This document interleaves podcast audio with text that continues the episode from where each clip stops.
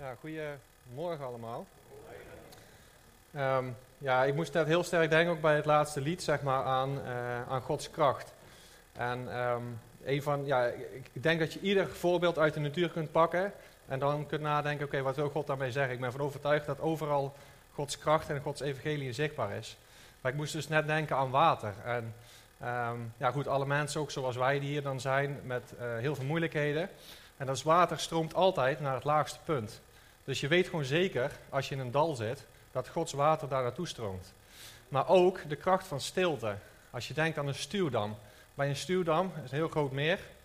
En het enige wat daarin gebeurt is, daar komt water in, via regen, smeltwater. Maar dat zie je niet. Dat is zo groot. Al het water wat erbij komt, ja, misschien nog een, een, een honderdste millimeter wat het niveau stijgt, dat zul je niet zien. Maar toch zit daar gigantisch veel kracht in. Als het windstil is, ik weet niet of je het wel eens hebt gezien, maar een heel groot stuurmeer, is het net alsof het één grote spiegel is. Daar lijkt geen enkele kracht in te zitten. Je zou eens voor de gein eens moeten kijken op YouTube naar filmpjes van stuwdammen die open worden gezet. Daar komen uh, zeg maar stralen van 10 meter breed uit, die gaan 20 meter vooruit. En dat geluid is zo overdovend dat je niet eens zonder gehoorbescherming ernaast kunt staan. Zoveel kracht komt er uit zo'n stuwdam. En ik geloof ook dat God zo wil werken, dat hij, ook al zie je het soms niet, of ook al voel je het soms niet, dat God wel bezig is om dat stuurmeer te vullen met water.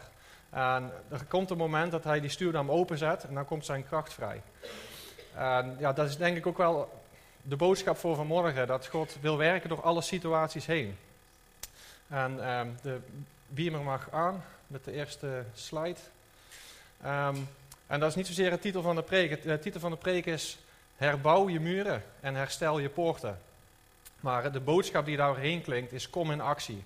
Kom in actie van de plek waar je zit en kijk waar God je geplaatst heeft. En daar wil ik ook met, uh, samen met jullie uh, naar gaan kijken. En dat wil ik doen, uh, dan mag ik even terug naar de eerste. Dat wil ik doen aan de hand van Nehemia. ik weet niet of jullie wel eens je verdiept hebben in Nehemia of spreken hebben gehoord over Nehemia. Um, ja, toen eigenlijk dit onderwerp op mijn pad kwam, um, was het in diezelfde week twee keer. En dat was voor mij best bijzonder. Aangezien de keer dat ik daarvoor over Nehemia hoorde, was denk ik ja, een jaar of tien geleden. Um, dus vandaar dat ik wel ook echt op mijn hart had om hierover uh, te spreken. Zeker omdat ik eigenlijk een ander onderwerp op mijn hart had. Wat, uh, wat ook door Jan bevestigd werd een tijdje terug. Maar een aantal weken geleden maakte God mij wel duidelijk van... Ik wil dat je deze boodschap uh, gaat brengen. Um, ja, Nehemia kunnen we heel veel van, van zien, hoe God daar doorheen werkt. En uh, ja, kunnen we uiteraard ook heel veel van leren. Um, de tekst die hier staat is, um, ik vertelde hun wat God voor mij had gedaan. Toen zeiden ze, we zullen de muren gaan herbouwen. En dat zullen jullie straks ook zien in het verhaal. Jeruzalem was één grote puinhoop. de Israëlieten waren in ieder geval voor een gedeelte afgevoerd naar Babel gedeelte was ook alweer uh, teruggekomen in Jeruzalem. Maar uh, de mensen die weer leefden in Jeruzalem, van het volk van God, die leefden echt letterlijk in de puinhopen. De muren lagen kapot, de poorten waren stuk. Uh, dus er was geen enkele bescherming. Er was eigenlijk alleen maar chaos. En ze werden ook nog eens bespot door de volken om hun heen. Van ja, wie is jullie God nou? Jullie wonen hier wel, maar ja, wij zien helemaal niks terug van jullie God.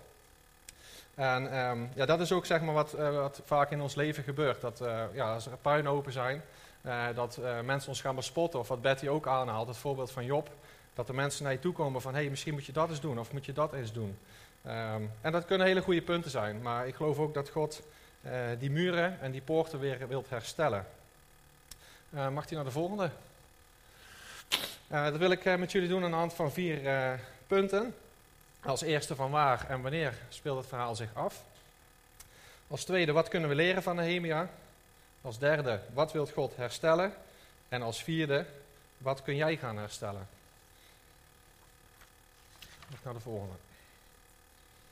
En even om te kijken van nou, waar en wanneer speelt het zich af, in dit geval vooral waar. Uh, dan zie je hier een tijdlijn. En dat begint dan bij 500 voor Christus. Uh, Darius, koning van Perzië. Misschien dat die naam Darius nog bekend voorkomt, ook van het verhaal van Daniel.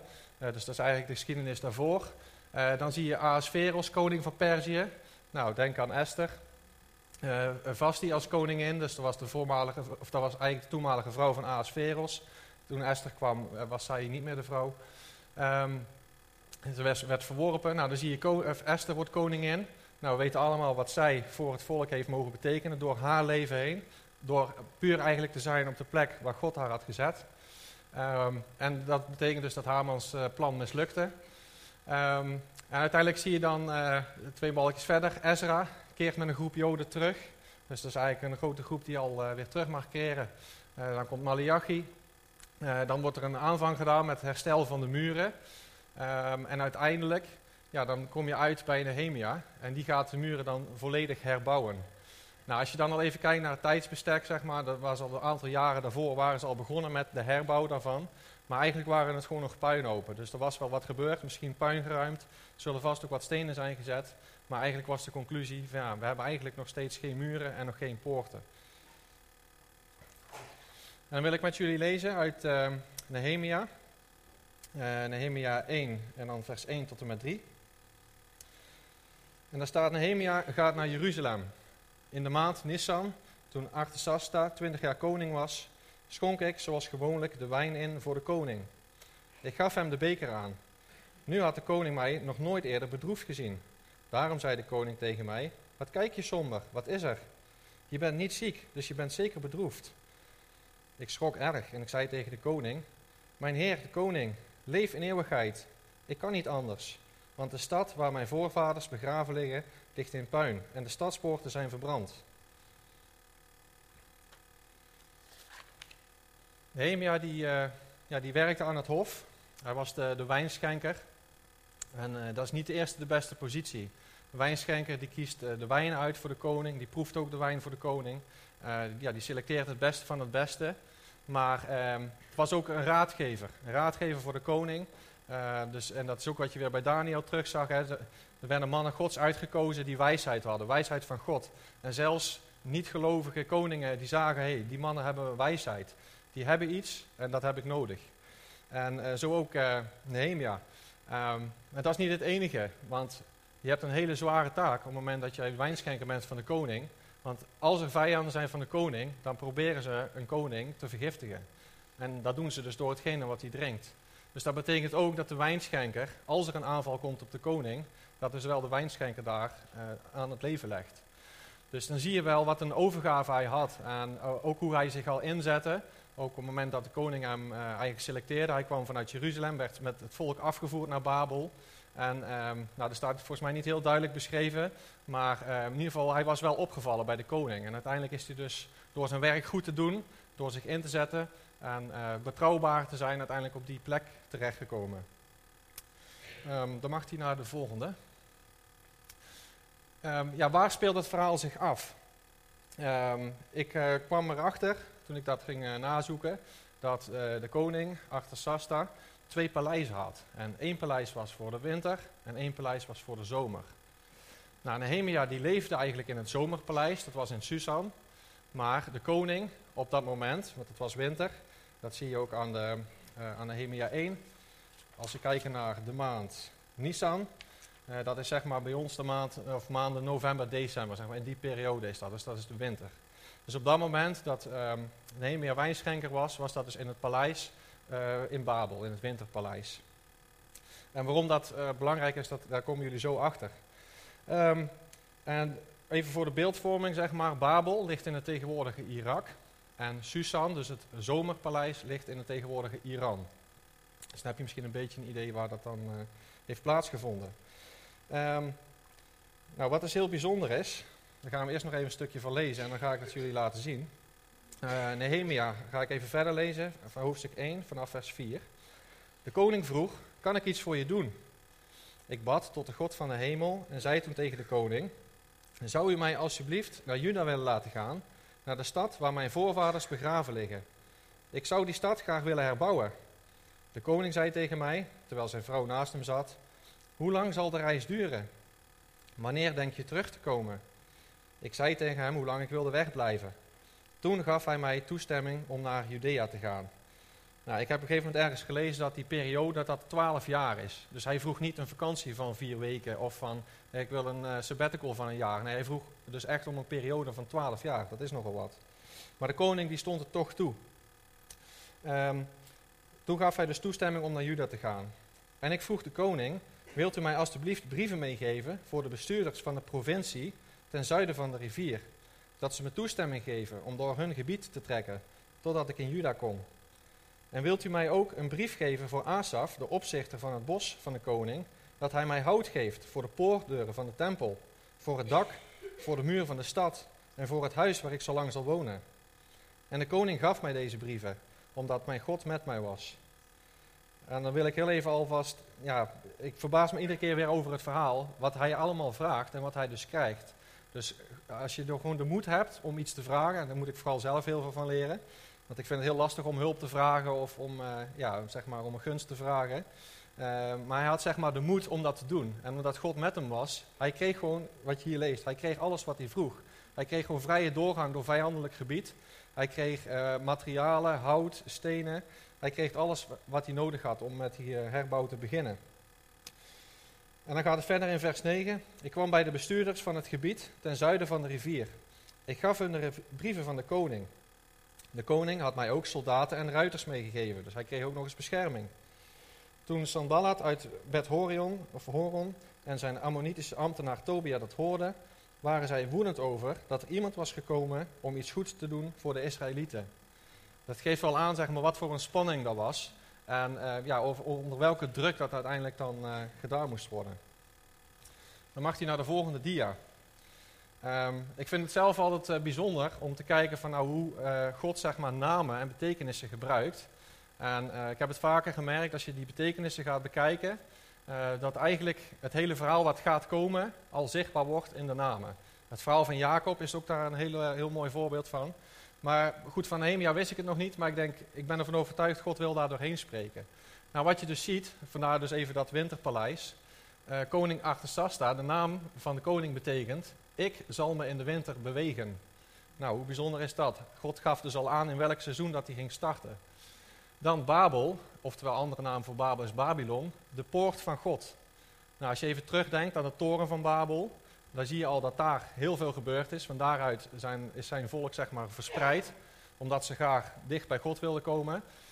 Um, dus dan zie je ook dat in de opstandigheid van het volk gebruikt God die momenten om uiteindelijk toch zijn woord te verspreiden. En nu dus weer vanuit Babel, de poort van God. De vader van Nehemia is Hagalja, die Yahweh verlicht. Dan de broer van Nehemia, Hanani, mijn genade of mijn barmhartigheid.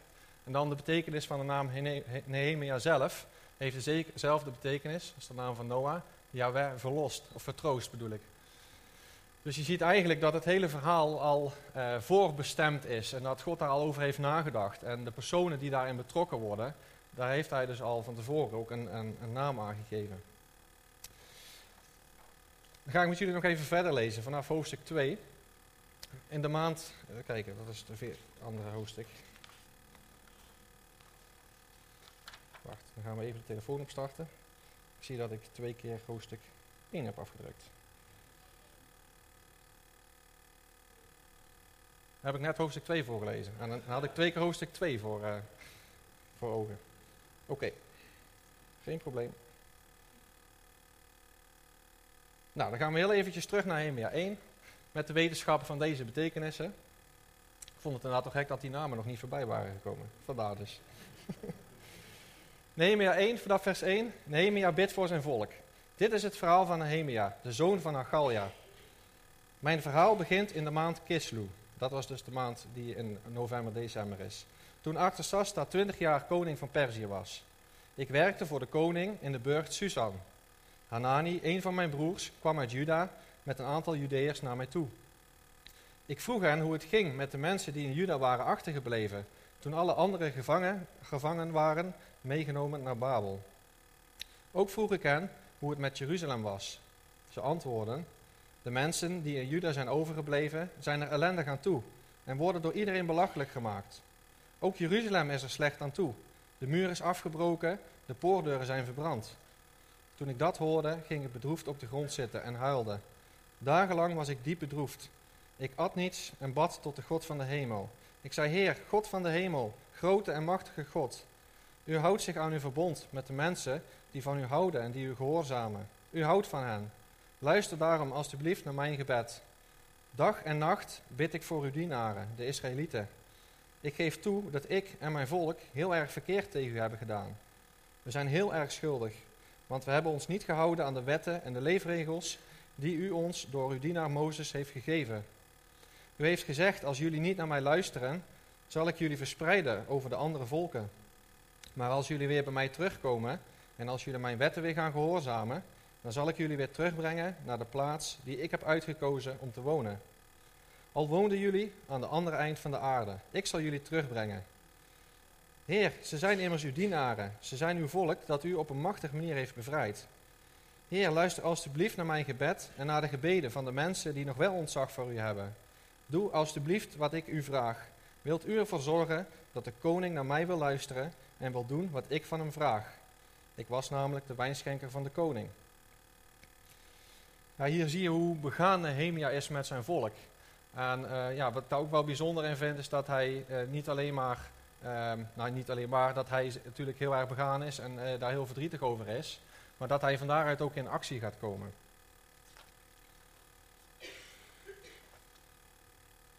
Mag hij door naar de volgende dia.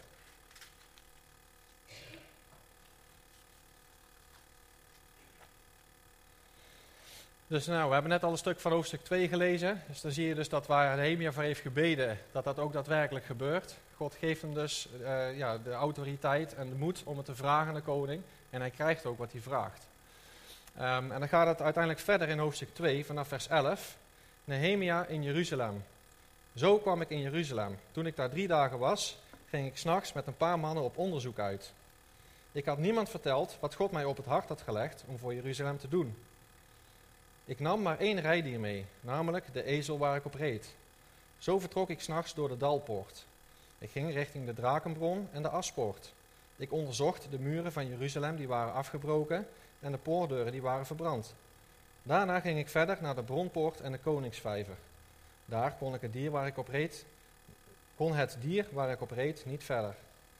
Daarom klom ik die nacht te voet door de beek naar boven en onderzocht de muur. Daarna ging ik door de dalpoort terug naar huis. De leiders wisten niet waar ik was geweest of wat ik had gedaan, want ik had nog tegen niemand van de Judeërs, de priesters, de leiders en de ambtenaren iets gezegd. Maar toen ik terugkwam, zei ik tegen hen: Jullie zien hoe slecht onze toestand is. Jeruzalem is verwoest en de poortdeuren zijn verbrand. Ik wil graag met jullie de muren van Jeruzalem weer opbouwen. Dan zullen we niet langer door iedereen uitgelachen worden. Ik vertelde hun wat God voor mij had gedaan en wat de koning tegen mij had gezegd. Toen zeiden ze: We zullen de muren gaan herbouwen. En ze gingen flink aan het werk. Nou, dan zie je dus dat eh, God al zeg maar, van tevoren heeft duidelijk gemaakt wat hij wil doen. En dat dat uiteindelijk door Nehemia ook het volk van overtuigt, of eigenlijk de leiders van het volk, om ook daadwerkelijk weer te starten met die herbouw.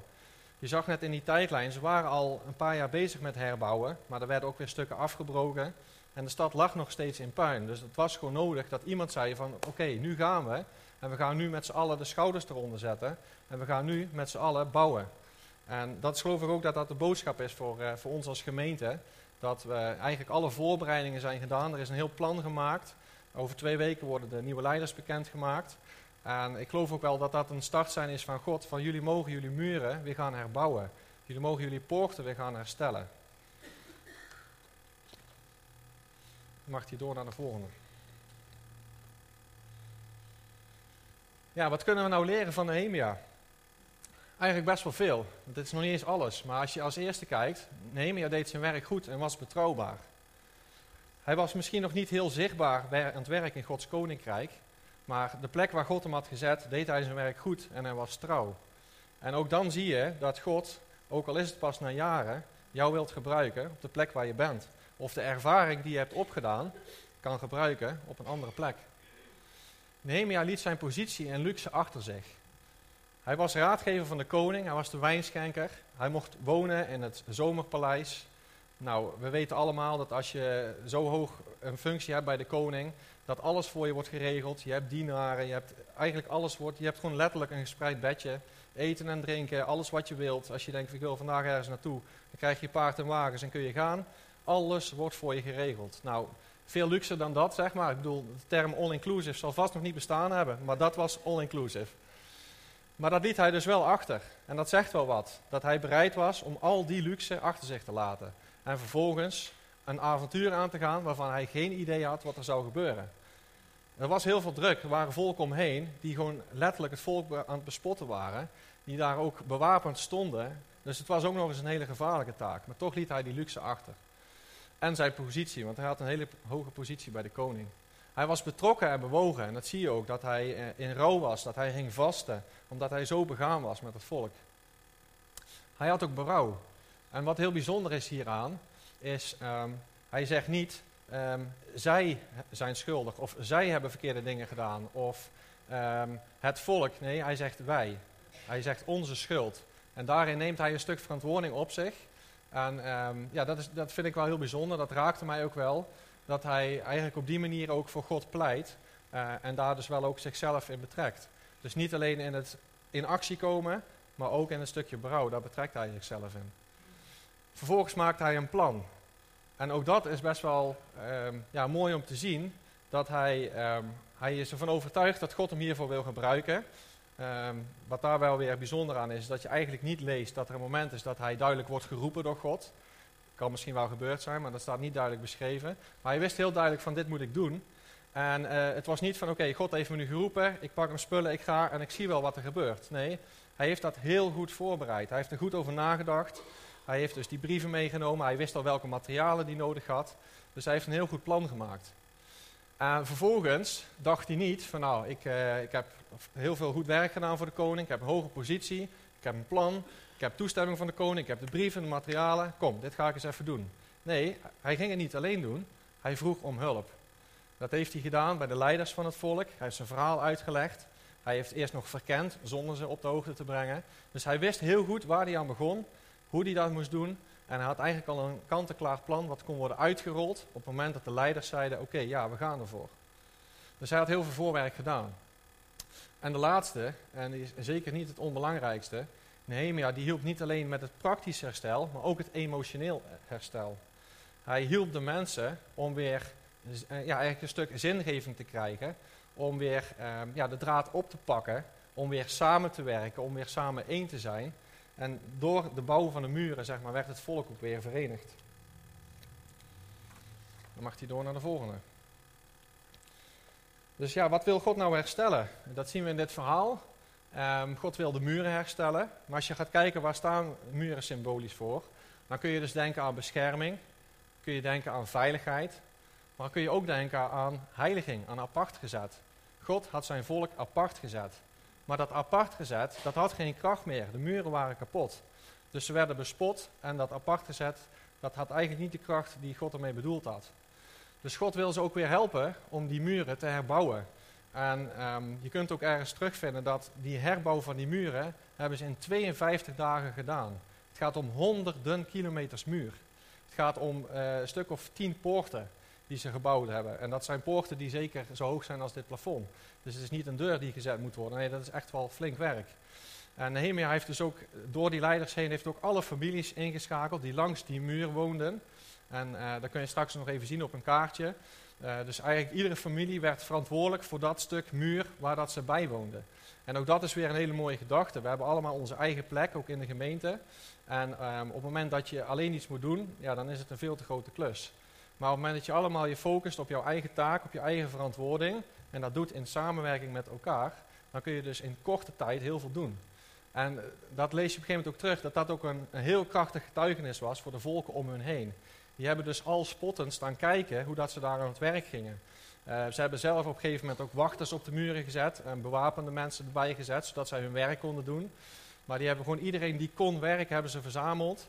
En die zijn echt met man en macht aan het werk gegaan. En gewoon 52 dagen, dus nog geen twee maanden later, nadat het jarenlang geduurd had, waren dus gewoon die muren volledig hersteld. Um, die muren die staan ook voor contact en voor verbinding. Of sorry, de poorten staan voor contact en verbinding. Op het moment dat jij alleen maar muren bouwt waar geen doorgang in zit, kun je dus ook geen voedselvoorraden binnenhalen.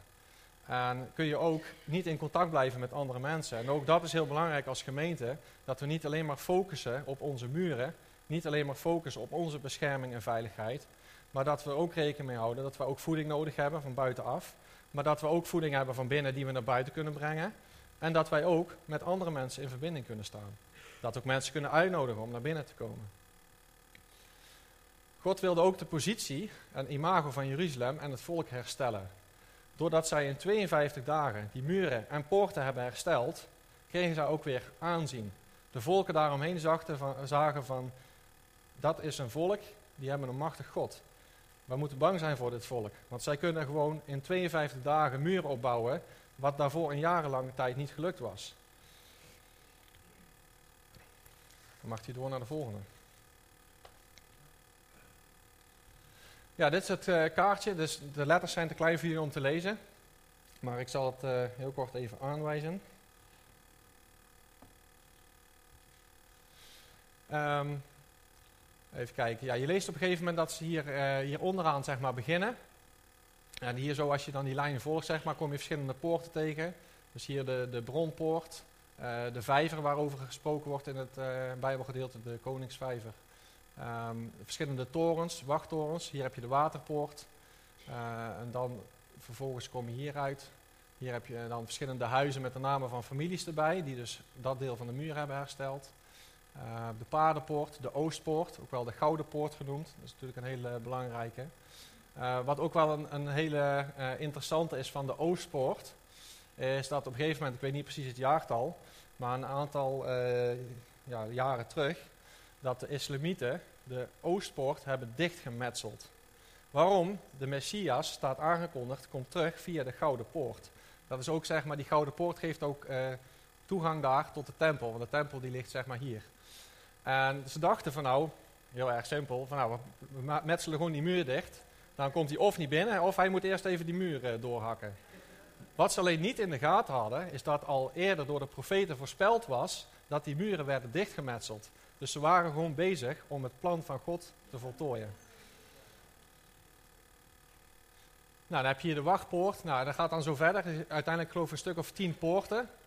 En dan zie je zeg maar op het kaartje hiernaast. Ja, je kunt het niet helemaal van links op het kaartje rechts leggen. Um, maar de bovenkant, zeg maar, wat ik nu aanwijs, dit stuk muur, dat is hetzelfde als dat stuk. En hier onderaan, zeg maar, kun je uh, redelijk, oh, hier heb je de dalpoort. Even kijken waar die hier staat. Ja, die staat hier volgens mij. Oh, die staat hier, Dalpoort. Dus hier heb je de Dalpoort en die zie je daar ook weer terug. Uh, dus je ziet ook dat door de jaren heen de muren ook nog verder zijn uh, herbouwd. En dat is ook weer iets heel moois. Wat Nehemia in gang heeft gezet, is, is ook in de generaties daarna weer verder opgepakt. En dan zie je dus dat dit uiteindelijk de muren zijn. En als we de tijd dan nog even verder vooruitspoelen. En um, er staat dus in openbaring dat het nieuwe hemel en de nieuwe aarde zullen neerdalen. En het nieuwe Jeruzalem. Uh, ik weet niet meer precies de maten, maar ik geloof dat het een, een, een stad is van iets van 20.000 kilometer in de breedte, hoogte, lengte en diepte. Nou, moet je even voorstellen dat dit, nou, wat zal het zijn? Volgens mij nog geen 10 kilometer. Um, nou, en dan gaan we dus even naar het uh, duizendvoudige, denk ik, ongeveer. Dus je ziet dan dat op een gegeven moment dat God daar nog eens even helemaal overheen gaat. Maar het wordt wel hier in gang gezet. En natuurlijk ook al in periodes daarvoor. Dan mag hij door naar de volgende. Ja, het is natuurlijk heel mooi om uh, ja, in de Bijbel te lezen wat, uh, uh, ja, wat mensen hebben gedaan. heel inspirerend. Maar uiteindelijk komt het wel op de vraag: oké, wat, wat kunnen wij daarmee? Of wat kan ik daarmee? Dus de vraag eigenlijk is ook voor jouzelf: van waar heeft God jou geplaatst? Waar werk je? Waar woon je? Waar zit je op school? En dat viel mij ook eigenlijk al op de laatste periode, dat het vaker ook in preken terug is gekomen, de vraag van waar heeft God jou geplaatst?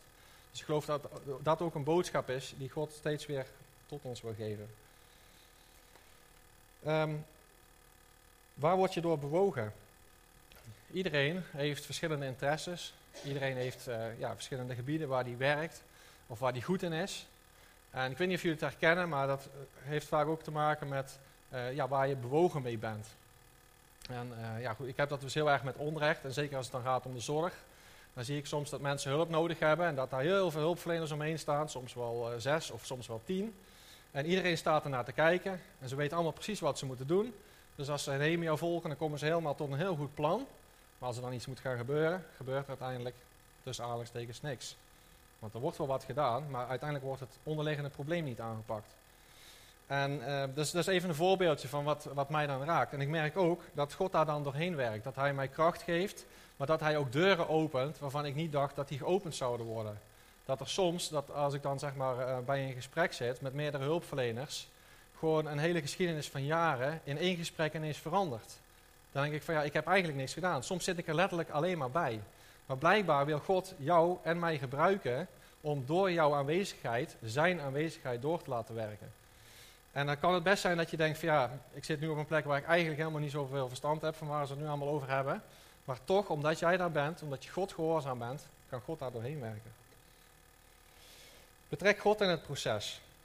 Het is een beetje lastig om te zeggen van oké, moet je dat dan eh, vooraf doen, of tijdens, of achteraf? Nou, ik denk dat het antwoord is, doe het allemaal. Doe het vooraf, tijdens en achteraf.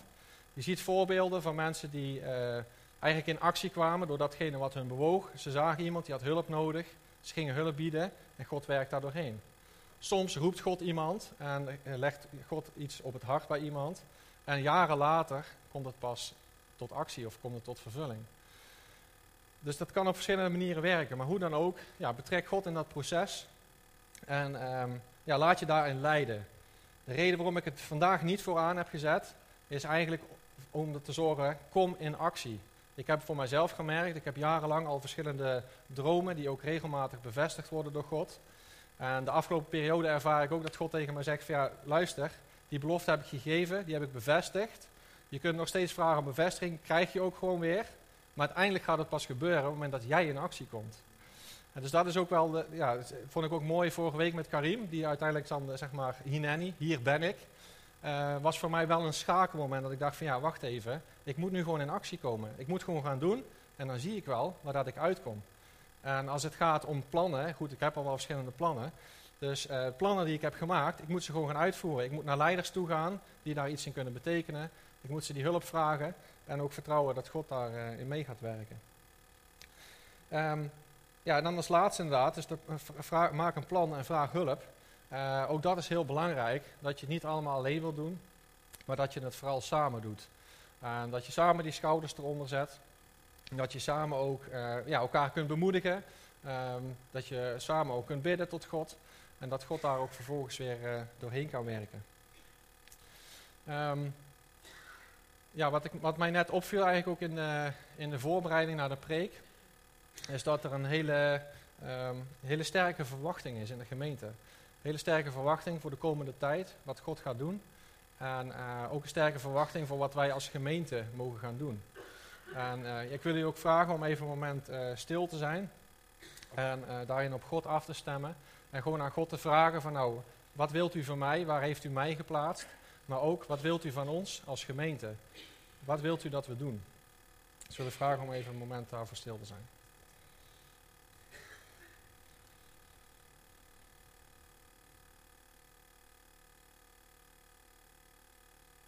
Heer, we willen u zo danken, Heer, voor wat u door ons heen wilt doen.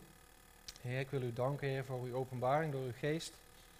Heer, en ik wil ook vooral ook bidden voor de komende tijd, voor ons allemaal. Heer, u kent onze situaties, Heer. Heer, u heeft ons geplaatst op die plek. Heer, en u weet ook dat het niet makkelijk is. Heer, u weet dat we worden bespot door mensen om ons heen. Door mensen die u nog niet kennen. Heer, u weet ook dat we, ja, dat we soms in puinhopen zitten. Maar u weet ook wat we daarvoor nodig hebben. En zo wil ik u ook vragen, wilt u ons daarin ook wijsheid geven en inzicht? Dat we ja, mogen zien wat er moet gebeuren.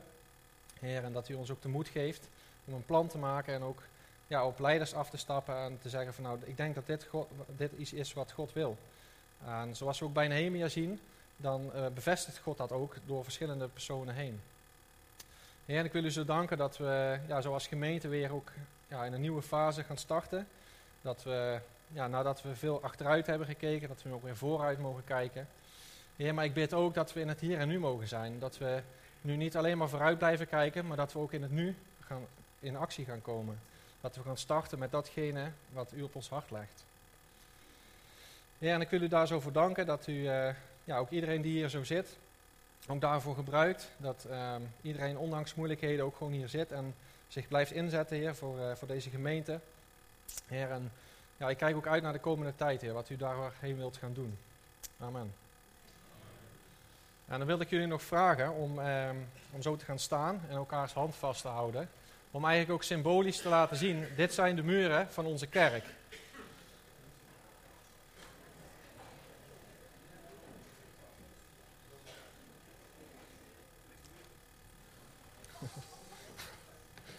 Want we hebben, hier, eh, we hebben hier een heel mooi gebouw met hele mooie muren. Maar uiteindelijk gaat het om ons. En dat zijn de muren waar God ook gebruik van wil maken. En wij zijn allemaal stuk voor stuk een poort waar God doorheen wil werken. En ja, daar kun je nog een hele preek apart over houden. Maar als je gaat kijken naar de betekenis van die poorten, die hebben ook allemaal weer een betekenis op zich. En dan zie je ook hoe God de diversiteit gebruikt om Jeruzalem in zijn kracht te zetten. En zo geloof ik ook dat God onze diversiteit wil gebruiken om deze gemeente in zijn kracht te zetten. Vader, Heer, zo willen we u danken dat we hier zo mogen staan, Heer. Heer, dat we ook ja, voor uw aangezicht mogen komen. Heer, en dat we ook mogen uitspreken, hier ben ik. En hier zijn wij. Heer, en dank u wel dat we zo ieder op onze eigen plek mogen worden gebruikt, Heer, door u. Heer, dat we zo samen mogen gaan bouwen, Heer. Heer, op sommige plekken zijn misschien nog muren kapot. Heer, zijn, zijn poorten nog kapot, Heer. Soms ook in ons persoonlijke leven. Heer, maar ik bid, Heer, dat u ons de kracht en de wijsheid geeft om steen voor steen die muren weer te gaan herbouwen. Heer, en dat we dat mogen doen, Heer, op een manier dat alle mensen om ons heen niet anders kunnen doen dan erkennen dat u een grote God bent. Dat u een grote, machtige God bent, Heer. Heer, daar wil ik u zo voor danken dat u steeds door ons heen werkt, ook door ons als gemeente. En ik bid ook, Heer, voor de, de mensen die hier om deze kerk heen wonen, Heer, in Schinnen, maar ook in het gebied daaromheen. Heer, dat ze zullen gaan zien van, hé, hey, daar gebeurt wat. Er is iets veranderd. We weten niet wat, maar er begint wat te bruisen, er begint van allerlei dingen beginnen te gebeuren. En daar moeten we ook naartoe. Dat is wat u ook, ja, uw belofte voor uw volk, Heer, dat iedereen ook aan Israël zal zien wat u doet en wat u wilt geven en hoe u wilt zegenen. Heer, en zo wilt u dat ook doen voor ons als gemeente. Heer, daar wil ik u zo voor danken. En ja, dank u wel daarvoor in grote, machtige naam. Amen.